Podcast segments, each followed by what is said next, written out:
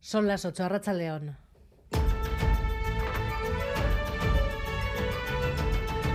Crónica de Euskadi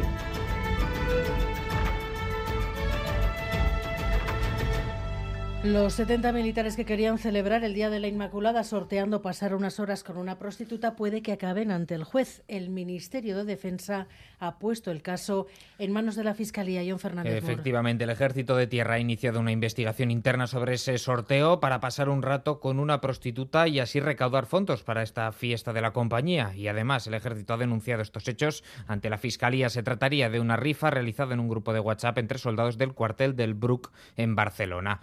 Fuentes del ejército aseguran que no tienen constancia de estos hechos, ya que los mensajes no se han registrado en ningún chat oficial. Las reacciones no se hacían esperar. El ministro del Interior, Fernando Grande Marlasca, calificaba el hecho de barbaridad y el Ministerio de Defensa ha pedido tolerancia cero ante estas ofensas contra las mujeres.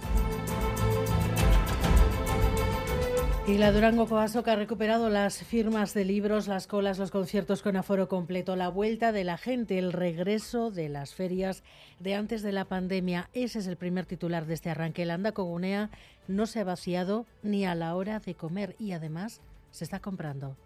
Ba, momentos egutegi bat eta e, feminismo liburu bat erosi dut eta segurazki e, talderen bateko diskoak edo lan erosiko ditugu. Batez ere komikiak, aurten komiki polita daude, Maus, Euskaraz, e, niz naiz Mikel Aboa, Mikel Abarena.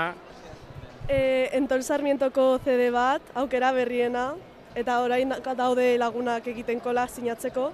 Vamos avanzando. Además, en, este, en esta semana de festivos y puentes, mañana viernes, el tiempo muy parecido al de hoy, temperaturas apenas sin cambios y lluvia más frecuente y abundante a partir de la tarde.